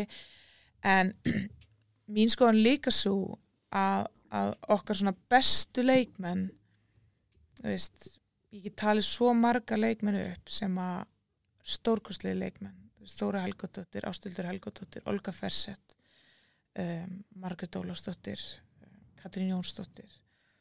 Ég er svo på þetta mók að gleyma ykkur en nú er ég bara að tellja upp svona sem er dettur í hug, svona eh, bara strax. Allar þessar stelpur fyrir mitt leiti væri að spila í íslenska dag. Vil vera gaman og í með- liðum í Európu 100% Olgu- þær varu allar í toppliðum í í dag. Hvar væri Olga Fersið þetta? Já, ég, ég, fylg, ég, hóra, ég fór á svo marga Olgu Fersið leik í frostaskjóla sinni tíma sko Já, ég skal segja hvað hún væri. Við varum tvær svona sendirapar í, í Lyon. Nei, í Barcelona fyrir ekki. Barcelona Já, við værum þar. Tjóðlega væri það flott Við maður vinkonunnar, sko. Þannig, að, þú veist, við sjáum það bara að við stóra Marja, Guðbjörg Gunnars, Dóra Stefansdóttir, svo margar stelpur sem að uh, bara við höfum alltaf átt ótrúlega afbúra miklar og góðar íþróttkonur og knarspinnukonur. En einhvern veginn finnst mér hópurinn okkar í dag, hann er breyðari, mm Mhm. hann er jafnari, við erum með fleiri leikmenn, einhvern veginn eins og ég sagði á þessu leveli. En hvort er betra skilji að vera með breyðari hóp, jafnari hóp skilji, eða er betra að vera með, veist, einar, tvær, þrjár sem eru algjörlega yfirburða skilji. Þannig að, að, að hérna, mist erfitt að svara þessar spurningu, við erum með frábært lið dag, við erum með ótrúlega vel samsett og vel mannalið þess vegna var ég svona ekstra svegt að komast ekki HM að því mér fannst einmitt tímabúturinn okkar svo réttur á næsta ári við Mhm. erum ennþá með Söru, við erum ennþá með Dagnu við erum ennþá með Elísu Sif var að hætta hún eða mögulega kannski endur sko veist, þannig að voru svona þessi blanda var svo frábær af þessum svona eldri og reyndari og, og svona þessi miðja Mhm. Já. stelpur svona þú veist, 25-6 sem eru besta aldri Einmitt, líka einmitt. og svo með þessar ungu, Sveindísi, Karolín Leu Amöndu og fleiri sem eru bara á fljúandi siglingu upp fjallið skilji sem er svo mikið átt að hafa líka í hópnum þannig að blandan fannst mér svo perfekt fyrir Já. okkur að fara loksins á HM og ég þannig að það svíður svolítið fyrir mig persónulega mest að hafa ekki náð þessum hópa HM en þá kemur bara næstu hópur skilji og, og, og það tekur eflist smá tíma fyrir okkur þegar svona Dagný og, og Sara og svona þú veist það fyrir að sig og setja hlutan hjá þeim að, að þá er þetta bara eins og gerist alltaf að þá verður ykkur svona smá endur en, en ég heldum séum ótrúlega vel í stakk búnar Mhm. og búin fyrir þá Já, endur og reyna að vera betri, betur heldur en eins og þegar skynsláðan undan mér var að hætta Mhm, eða kynsláðan mhm. mín var að hætta þú veist það var svona örlítið meira högg bara því að hópunum var ekki orðin eins einhvern veginn breyður og, og svona þéttur sko. Já. En nú erum við harðir Stein Halldórsmenn eftir að komið þáttinn og hvetjum allir að hlusta á hann. En það er samt, þú veist, ég er búin að horfa á síðustu sex leiki hjá, eða fjóra, fimm, segistu leiki hjá Þú hvernig ert landsliðinu. harðasti gaggrinandi landsliðana á Já, Íslandi. já, mikilvægt En tjest, ok, og Holland pyrrandi að fá þessi mark alveg í lokin en við áttum ekkert skil á þeim leik. Uh, Portugal bara, jú, auðvitað dómarinn ömurlegur en þú veist, það er yfirspilað okkur. Og við gáðum dóltið falið okkur á baku Dómarinn var samt skelv Já, já, ég veit það, en það var samt bara blessing in disguise, af því að við, við gátum falið framistöðuna baku þeirna dómara, sko þú veist, við erum með svo geggja lið ef við geta haldið miklu betri boltar og miklu betri spilandi lið? Jú, mér finnst það uh, að því að þessar stelpur eru að gera þetta okkur um einasta Mhm. deg í sínu Einmitt. þau horfa Bæmi spila, þau horfa á Wolfsburg spila Þú veist, þessi lið eru uh, veist, 70% 60% spil boltan allan tíman þessi stelpur kunni þetta og, Mhm. og það er ekki vandamáli en það er bara einhvern veginn að- fá öryggið og sjálfstrust í, í það í bláabúningnum á móti starri þjóðunum, við, við erum farin að gera þetta frábælega á móti svona minni spámönnum þannig að Mhm. að við þurfum bara að færa hann leik okkar og hafa svolítið öryggi og sjálfstöld í að gera það á svona betri anstæðingum uh, það er eitthvað svona bara áskorun okkar á næstu mánum og, og, og við verðum einhvern veginn á einhverjum tímpúti að komast yfir þennan hjalla klárlega uh, að því að stelpunar hafa ekki spurning, þú veist, get svona til þess. En fyrir mitt leiti þá var ég mjög hrættu en að Portugalsleik, ég verð að segja það að því að Portugal er bara það lið sem er gríðarlega siglingu Mhm. þar eru nefnilega með svona sem að hendar okkur kannski ekki endilega Það Það- komið svo óvart hvað það voru góða nefnilega sko. já, þar eru bara, bara mjög góðar og þar eru með svona galdra galla eina, tvær í liðinu sem geta bara brota upp leikin upp á sitt einstæmi þannig að ég var mjög hrætt við þennan leik fyrirfram en mér fannst það líka bara dálítið vombrið að ná ekki sláðar út af því að við við vitum það held ég allar að við eigum að gera það. Og, og hérna að stuða mig kannski örlítið að mér fannst umræðan snúst alltaf mikið um dómarinn ég tek undir með ykkur, dómarinn var ekki góður Ný. en það besta sem að gera í mótlati og erfileikum og þegar að, að þú veist, það er að líta inn á við. Og hvað getum við gert til þess að veist, vinna Sennilega þess vegna sem ég var ekki atvinnum maður sko. Nei, Þetta það- er það ekki hugafara finnst sem mér- ég hafði sko. svo mikið af þetta við gerum og ég veit að stelpunum muni gera það og liðið mun gera það í heild en það er bara svo eðli viðbrug kannski að að einhvern veginn og, og svo er allir fjölmjöla líka svolítið að skapa umræðana og spyrja út í þetta ég held að stelpuna hafa nú ekkert endilega haft orða þess alltaf fyrrabræð en, en það er svo mikið að við frekar leitum í þá hluti sem við getum stjórna og við getum breytt og við getum bætt að því annars stöndum við bara stað Já, já. ef við ætlum að fara skellið skuldina á okkur dómara eða að þú veist, akkur var ekki að spila heima heimann og þú veist, að þetta verð alltaf sendals fyrir sér. En, en það hefur bara ekki upp að segja Nei, nei, hárétt mentality hérna. Klárt mál. Um, Ef við færum okkur aðeins yfir í- Já, mér langar endur að taka einn í lokin. Hversu langt getur Sveindis Jane náð? bara ótrúlega langt. Bara, þú veist, henni eru allir við fær bara sama og með Karlinu Lev, þú veist, ég sé þar tvær fyrir mér bara, þú veist eh, komast bara eins langt og það er mögulega vilja og geta það, það þarf ákveðna hefni maður þarf að haldast heill. Karlinu Lev er óöfum með meðsli núna en vonandi er hún að svona ná ná svona kröftu sínum og, og kemur uh, hörku sterk eftir, eftir hérna haustið og inn í, í vortímbilið en, en hérna og Svendis líka, þú veist, það eru náttúrulega bara að feta annan veg að vera atvinnukonur og er að, veist, einhvern veginn að móta sig þar og móta sig við bestu leikminni heimi á hverju minnsta degi, þannig að þú getur ekki annað en eða út með gott huga fara, þú veist, orðið betri í slíku umhverju, þannig að þær hafa það, Já. þær hafa frábara fjölskyldur baku sig líka sem að styðja þær vel og mikið og, og svo þegar fara í bláa leiði þá er það alltaf eins og að spila með fjölskyldinu þannig, þannig að þær bara ef þær haldast heilar og, og hérna þá munu þær slá elvist öll um, Ef við færum okkur aðeins yfir í Premier League Frumæri menn vilja fá þína skoðun. Alltaf Ég þarf að fara að kíkja með bíli minni í skoðun eins og skot. En það málega Já, ég get ekki lent í græna með hann. Nei, Þá fæ ég tölupóst frá frumæri sko. þeir líka bara hætta að í hókur sko. Já, sennilega. Um, En já, þeir eru að kalla eftir skoðun MLVF á MLVF 9, takk. Já, segja það, já, Já, segja ég gæti það með 9 uh, Á, á sem sagt topp fjórum í Premier League mm, Hvað er að Já, eða tökum bara topp fjóru á Já, þeir vilja bara spá frá henni. Já, wow, hvernig þetta endar? Já. já, þetta er sitt í Arsenal. Þú ert Arsenal konar eða eitthvað? Nei, ég er United nefnilega. Þú ert að setja Arsenal svona Hann er hann að tróða þeim eitthvað neira þinn. Já, þeir eru bara öflugir sko. það er allt og mikill sitt í bræður á þeim þannig að hérna, ég sé þá einhvern veginn bara efla sko. Eh, þetta er Það eru City- sitt í bræður á United? Nei, á Arsenal Já, já, Já. já, þeir eru já. sko orðnir allt og líkir sittlilegin Gardiola skólin Já, Gardiola skólinn hefur verið þetta, það er ekki spurning sko. Já, allir þetta verður ekki svo Tottenham United já Chelsea og Liverpool sitt eftir Já, við erum Er báðið hart, eða? En nei, ég er bara eiginlega ég, Eina sem er sko, ég held að Liverpool gæti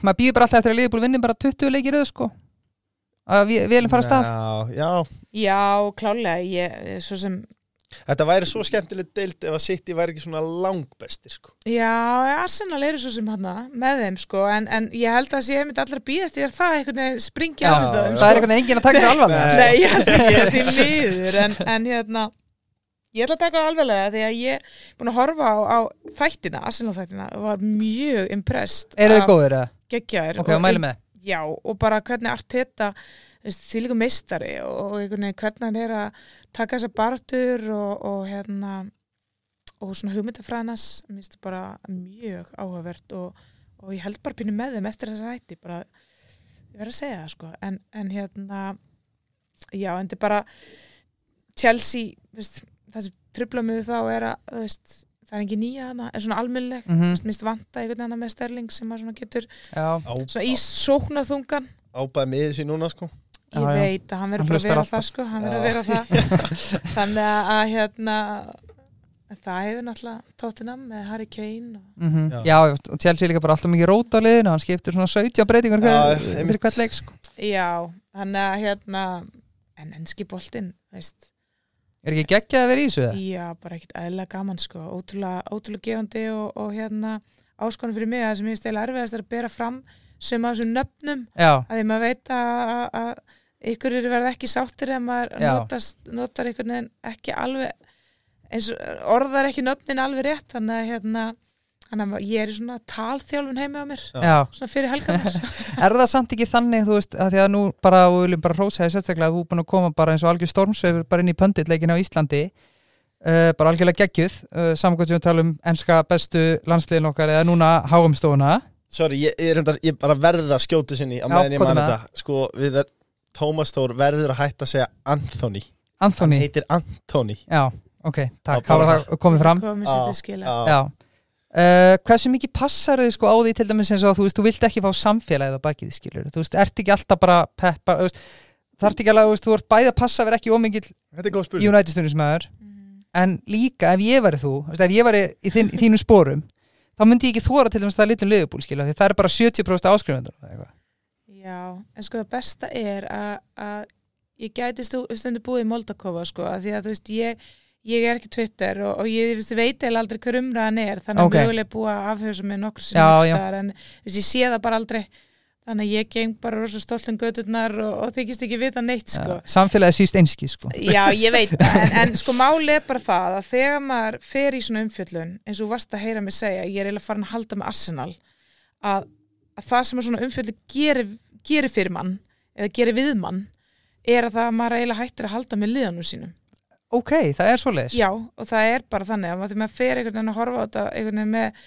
heildrætni nálgun og, og, og meiri sín og, og maður fer eiginlega bara að halda með fótboltanum Mhm. því liði sem að, það er skiljið, þú veist, Mhm. maður elskar fallegan fótbolta og maður elskar, þú veist, pínu skiluru, Cinderella Stories skiluru eða þú veist eins og Holland, þú veist, maður elskar þegar kemur einhvern svona stjarna og þú veist, maður fer einhvern veginn að verða svolítið bara að- að að maður einhvern veginn nær, kannski næði ekki sko, en þú veist, en maður nær samt meiri fjarlæg frá því að að halda með einhverju liði, þannig að veist, ég, ég held mjög mikið með United en áður fyrir en, en veist, það hefur alveg minkað mjög mikið, það er alveg eina liði sem að maður heldur rosa mikið með í dag er, er í íslensku landsliðin og það er alveg erfiðast að tala um þau án tilfinningar sko. en, en hinna finnst mér orðið einhvern veginn auðveldara og, og maður horfir bara, þegar maður er í svona umfylgna horfir á fótbaltan það allt öðrum augum. Þú ert að reyna leikrina, þú ert að reyna þú veist, lesa í leikina og liðin og, og, og leikmenna þannig að, að hérna, það held ég gerir manni bara en viltu, upp, sko. viltu uppljóstraði fyrir okkur? Nú var að að þú ert í háumstofunni. Hvert Já. er þitt lið á háum? Svona áður en að fótboltinn tekur yfir. Ah, mittlið HM Þannig að fótboltinn kemur heim. Já, sko, ég náttúrulega er þú ert með töga til. Dúisburg ég er alltaf náttúrulega með rosalega mikið töðal Englands. Það er einhvern veginn bara Já, svolítið þannig. Þannig að svo finnst mér alltaf gaman að velja eitthvað svona minni spáman en, en ég er bara ekki alveg búin að móta mig þar ennþá. Ok. En ég held að HM muni einkennast mjög mikið að því einmitt að ég mun ekki halda eiginlega með neinu liði. Ok, uh, mér fannst þess að því umfyllunum EM senast þá var ég bara farin að halda brjálæslega mikið með Danmörku mm. Eriksen og, og hvernig þeir byrjuð þá keppni og veist, tilfinningarnar á bakvið það og þannig að þú veist, ég var bara Móla Kristjáns og við vorum bara með þú veist, danska fánanskili á millileikja og þú veist, bara mjög happy með það, eða skilið það Já, er já. bara svona þetta minkar rosa hjá manni einhvern veginn að Já. halda með ykkur liði Já. eitthvað rosa stert sko. algjörlega, Ég, ég með eina pælingu, ég var í, í klipping í dag og hérna já, mjög flottur Já, takk hella. Ég var í, hérna, ég var að við klippara minn sem er United maður og við vorum að ræða atviki sem að uh, þegar Ronaldo lappar af velli tvær myndir eftir, honum er ekki skipt inn á og United er sennilega að spila eitt besta leik í sinna tímabilinu. er bara í mörg ár sko. Já, já, mögulega. Uh, og mér langar að spyrja þig, að því að við vorum báðið saman um það, Ronaldo er náttúrulega gæi sem að er búin að vera bestur í heimi allar sinn feril, búin að slá bara öll met og búin Já, já. að vera geðveikur, sko, og síðan er hann bara ekki að fá mínútur þarna. Uh, þú veist, ef að þú myndir setja því hans spór, þetta er að einhverju leiti skiljanlegt. Að vera brjálaður.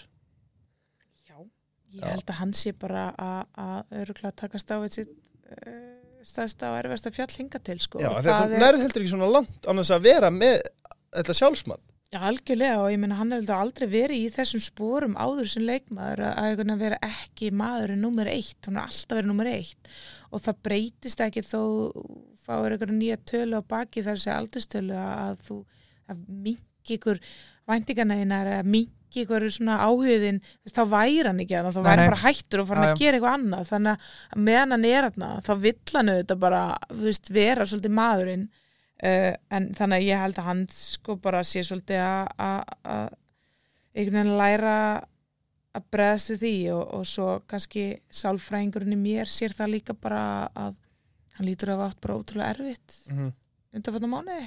Mhm.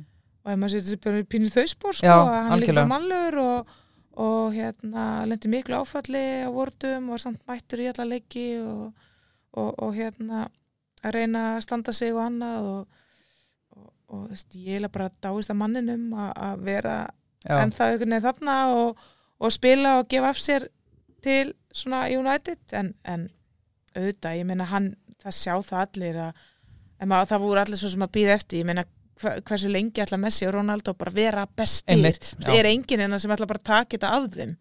Það virtist einhvern veginn aldrei ætla að gerast en það virtist vera að gerast hjá báðum á sama tíma. Já, þannig að þú veist, það er örugglega bara mjög erfitt einhvern veginn að- horfa aðra að taka við? Já, takst á við það og, og bara svona ný raunveruleiki fyrir, fyrir Ronaldo en, en hérna, hann er líka alltaf, hefur alltaf verið mikla tilfinningar. Mm hann er ekki sama sko, þannig að hérna en þessi hegðun er ekki ekki til eftirbreytni og, og Nei, nei. hérna voru þetta stælar yes, þetta var, eða var þetta passion þetta var Var bara þetta ekki held bara ég, bæði? en- Var ekki blanda? öllu Já. sko Já. og, og bara en, en ég held að hann hljóta að sjá það að hann hefði átt að bera spytu við og, og væntalega gera það næst En hann þú lítur að væri- læra af þessu ef þú verið Ten Hag, myndur þú losa hann í janúar?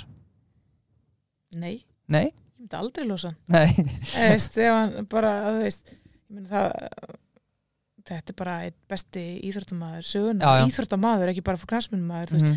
þannig að ég myndi halda ef hann vill vera þarna og, og mennur til í að borga hann laun, þá myndi ég alltaf vilja hafa hann í, í klefin, klefanum og ég myndi alltaf vilja hafa hann til að gefa af sér til yngri leikmanna og, og láta aðra sjá hvernig hann æfir og hugsa um sig og, og veist, sem er bara algjörlega fyrirmyndara því að þú getur ekki verið búin að ná þessum árangri í öll þessum ár og halda þér á toppnum svo lengi nema að hafa einhvern sérstaka hæfileika og sérstakan eiginleika og, og svona andlegan styrk. Þannig að ég myndi aldrei losa hann. hann hefur bara eitthvað miklu vandræði með standið á sér hann, Ronaldo Já, hann er bara feitur að spyrja mig sko.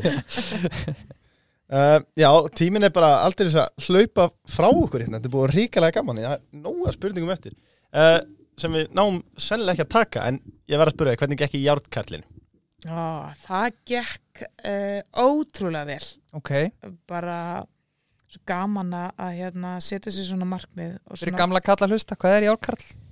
Já, það er sem sagt uh, þá syndur 3,8 km sjó. Eftir Já. það leipur upp á bakkan og hjólar 180 km sem Já, er svona nema. hjóla frá Reykjavík í Landerhöfn og frá Landerhöfn og Kvölsvöll það er smá spotti sko. Já, þetta er, Já. uh, og svo ég myndi ekki nefn að keira þetta sko. eftir það nei, svo hleypur eftir það marathon. já, já, þannig að þetta þarf alltaf að gera innan einhvern x tíma sko. Og það sem er bara svo gaman og, og þú veist að, að eins og ég með minn skrokk og mínu sögu, meistasögu að ég held náttúrulega að ég, ég myndi ekkert geta mikið með þetta tímabili en eftir hérna, fyrirlin og annað. Það er sem svo gaman að, takast á svona risa áskorun og standast hana og, og finna það líka bara, heyrðu, maður er ekki döður öllum aðeim sko. Þessi skrokkur á alveg eitthvað, eitthvað líftíma og, og maður getur alveg leikið sér eitthvað eins áfram þó maður sé ekki fara okkar eða, eða fara í einhvers konar sprettþjálfun eða, kraftþjálfun en, en þá er, er, er svona þessi þjálfun henda mjög vel og er mjög skemmtileg og mjög fjölbreytt en ég veit ekki hvort ég mæli með þessu fyrir, fyrir að við hjónin gerðum, gerðum þetta saman uh, og erum með þrjú lítið börn, ég mæli kannski ekki alveg með þeirri uppskrift nei, en ég menna við erum með það hjónin í dag og búin að stofna fyrirtæki þannig að þetta var ekkit verri en það skilji en, en Hvað var skrokkur lengi að jafna sig? Bara ekki lengi. Ég held að, að ég kemist ekki upp úr rúminu daginn eftir en bara ég flög upp rúminu og var komin á ströndina að leika mér í sandinu með drengina mínum bara hann sóleng setna þannig að Já, þetta er bara ótrúlega gaman og, og hérna þú veist, ég held að knasminn menn og konur þú veist, ef, ef ég gæti þetta þá getið þið þetta nákvæmlega, bara tilkall um, um, Já, bara Já. um að gera líka bara að- að setja sér áfram markmið í reyfingu þú veist, svo hættur í, í, í, í, í ykkur íþrótt sem maður var í í mörg ár þú veist, ég er aldrei að fara að vera ykkur mistar í ærumenn en, en markmið er bara að klára og það er bara það er líka nýtt fyrir mér sko að fara í keppnu og, og reyna að íta keppniskapinu frá Já, það er eitthvað svona, það er aldrei erfitt sko. Algjörlega Þá erum við að detta í hraðaspurningarnar. Það eru góður í kvöld Já, er heldur betur góður í kvöld. Og það eru að sjálfsögðu búið Payday. Mm. Er nöðsynlegt tól fyrir alla fæðila og viðkenda bókara. Einfalda bara dæmið. Já, Bara eins og fyrir okkur. láttum við það Þetta er ekki bara snill. Um, Ævintýra senda reikning já, ef við að sjá hvað er í búið hérna. Úlú, wow. Já, flott, Það slappaleg samt flott. Já, já, þetta er geðu. Uh, Margrét Lára, ertu komin í stellingar? yes, Uh, hjóla eða synda? Hjóla. Go to drikkur? Kaffi. Uppáhald staður? heimili mitt Uh, önnur hobby? bara reyfing Uh, uppáhalds þjóðatíð í sögunni? Vá, það eru svo margar, ég er náttúrulega að fara á allar uh, nánast bara, ég veit ekki bara árið 2003 eitthvað Já. Uh, fekk ég fyrst skipt að vera eins lengi út og ég vildi Já, eftirminnilegt. Uppáhalds landsýttar á sögunni Freyr Alessandsson Já, annars hefði við bara kötta þáttur Já, gaman að Þó að Steini sé kongurinn en alltaf Freyr bauð okkur til Danmörkur sko. Já, Steini, rétt. þú voru að gera betur uh, Hvað er að skemmtilega eftir fótboltan? fólki sem að kynast á leiðinni og, og, og verður margi hverjir að vinnumanns og, og hérna og þetta kemsmannskjan vinna, vinna titla og, og vinna velun og bara vera úslega góður í ykkur það er mjög gaman Uh, þú ert stödd í bónus og farið einungis að velja þrjá hluti. Það er tómur ískapar heima Já, kaffi, nýttsmjör og sóta. Hvað setur hnettis mér á brauð eða epli eða ert að venna með einhverja? Bara eiginlega á allt, sko. Afræðið mitt, og bara allt. Já. Um, heimskulegasta fjárfestingaferlinum? Ó, það er auðvitað hvað sem fötum sem ég get mér. Já, ég myndi bara heimskulasta fjárfesting, vá, heyrðu, þetta er geggja spurning. Mm. Örugglega bara fjallahjóla mitt sem ég get mér eins og nota aldrei. Já, Það er ekki góð fjárfesting. Maður á að vera reysir, sko. Já. Er við eftir varnamæður sem þú spila á móti? Ef ég tek Íslending, þá myndi ég segja Guðrún Sólei, Gunnarsdóttir, frábær varnamæður, mjög Já. góð. En ég ætla að hafa Íslendinga því að þið þekki ekki þessu nei, lendu. já Um, já, ég ætla að spara þessa, hún er samt skemmtileg. Uh, uppáhalds Dómanns pizza? Eða þrjála álega stundir? Uh, hvað er hún, surprise? Uh, Já, Já. rosaleg, sko. hún hefur allt, hún er sterk. mm Já, hún fýlar smá spæs Já, þetta verður spæs. Pepperoni Og hnetusmjör. Já, ég svo setið það á, sko, það kemur heim. uh, Syngja eða tralla Syngja. Lægilegt, hvað er uppáhalds slæðið? Í lifi voninu með Sigur Bindins. Uh, mm. Fyndnasti meðspilari? Skemmtir áttur í klefa. Já, Guðni Gísladóttir. Mjög fyndin. Kaffe eða síkó? Hvað sagður þú? Kaffe eða síkó? Ó, kaffi, ég hef aldrei reykt. hún reykir nefnilega dælega Já, Margrét. ég veit ekki hvað það er. uh, Iron Man einu svona ári eða spila fimm skákir á viku, fimm mínútur Iron Man einu sinna ári. yes, Já, já, er kallt er það það Olga Fessið eða Geitin Hver er spurningin? Hún eða Olga Fersið Já, ég, má ég svara þessari? Já, Geitin já, takk, sammála Eh, Og ég elska Olga Fessið sko. Já, líka best Five a side sem er bestu sem þú spila með? Þú hatar þessa spurningu. Ah, Já, mér finnst svo erfið spurningar af því að veist, ég vil ekki gleyma neinum. Nei. Uh, er bara fyrirvara á þetta. Já, og ég segi íslenskar. Mhm. Helst, já. Ég ætla að segja að það eru bestu sem ég spila með Bestar í fótbolta. Já, ég ætla að segja Olga Fessett Klárt mál. Um, Ég ætla að segja sýsti mín, Elsa Viðstóttir af því að það er bara mér mjög kært að hafa fengið tækifæri til að spila með henni. Frábær leiðtogi og, og, og leikmaður og, og hérna. Það er bara slær hjarta svolítið Já, tilfinningarnar. Um, Ástuður Helgadóttir greiðlega góð líka. Og hvað er komið þrjá ár mm, ég er líka að reyna að velja svona fleiri stöður. Dóra Marja mhm, Ástóttir, við náttúrulega fylgdum svo greiðlega mikið að við vorum náttúrulega bara nánast saman frá því að við vorum í bleiðu sko. þannig að- hún er klálega einan þeim. Og svo finnst mér rosa erfitt með markverðina því að Þóra frábær markverður og bara heimsklassa og Gugga líka. Mhm, og Gugga, ég spilaði svo mikið með Gugga í val og hún gerði mér svo hjálpaði mér svo mikið að vera betri já, að hún enda að koma með mér og standi í ramman þegar ég var að skjóta á hana. Já. Þannig að Gugga slags Þóra, klárt mál það er eh, bara kekjaðar Já. Gekjað Og að lókum eitt ráð til ungs fólks. Eh, Höfum þetta eitt ráð til uh, ungra knaspinnukana Já. Já, bara að dream big, skilji þú veist, það er, það er engin fyrsta til að ná ekki árangur í Íslanda. Frá bræðstæður og, og frá þjálfun og, allt til alls til að vera alltaf góður í fótbolta ef maður hefur einhvern veginn ástriðina og áhugan og svona smá fórtfísina og, og hérna svolítið hugur ekki líka. Þannig að bara kýlið á það og, og látið drauman að vera bara nógu stóra og já, það er bara svolítið þannig. Og, og líka njóti, njóti ferðarinnar af því að ef maður hefur ekki gaman að þessu finnst ekki skemmtilegt, þá er þetta einhvern veginn einski svirði sko, þannig að að njóti hverja myndu því að þetta er tekið frá okkur á Já. loka orð Já, þetta er frábælókórð og Margrét Lára við þökkum þér kærlega fyrir kvöldið. Já, takk fyrir að fá mig, mjög huggulegt að koma. Það ekki, mjög gaman. Að viku liðinni. Takk fyrir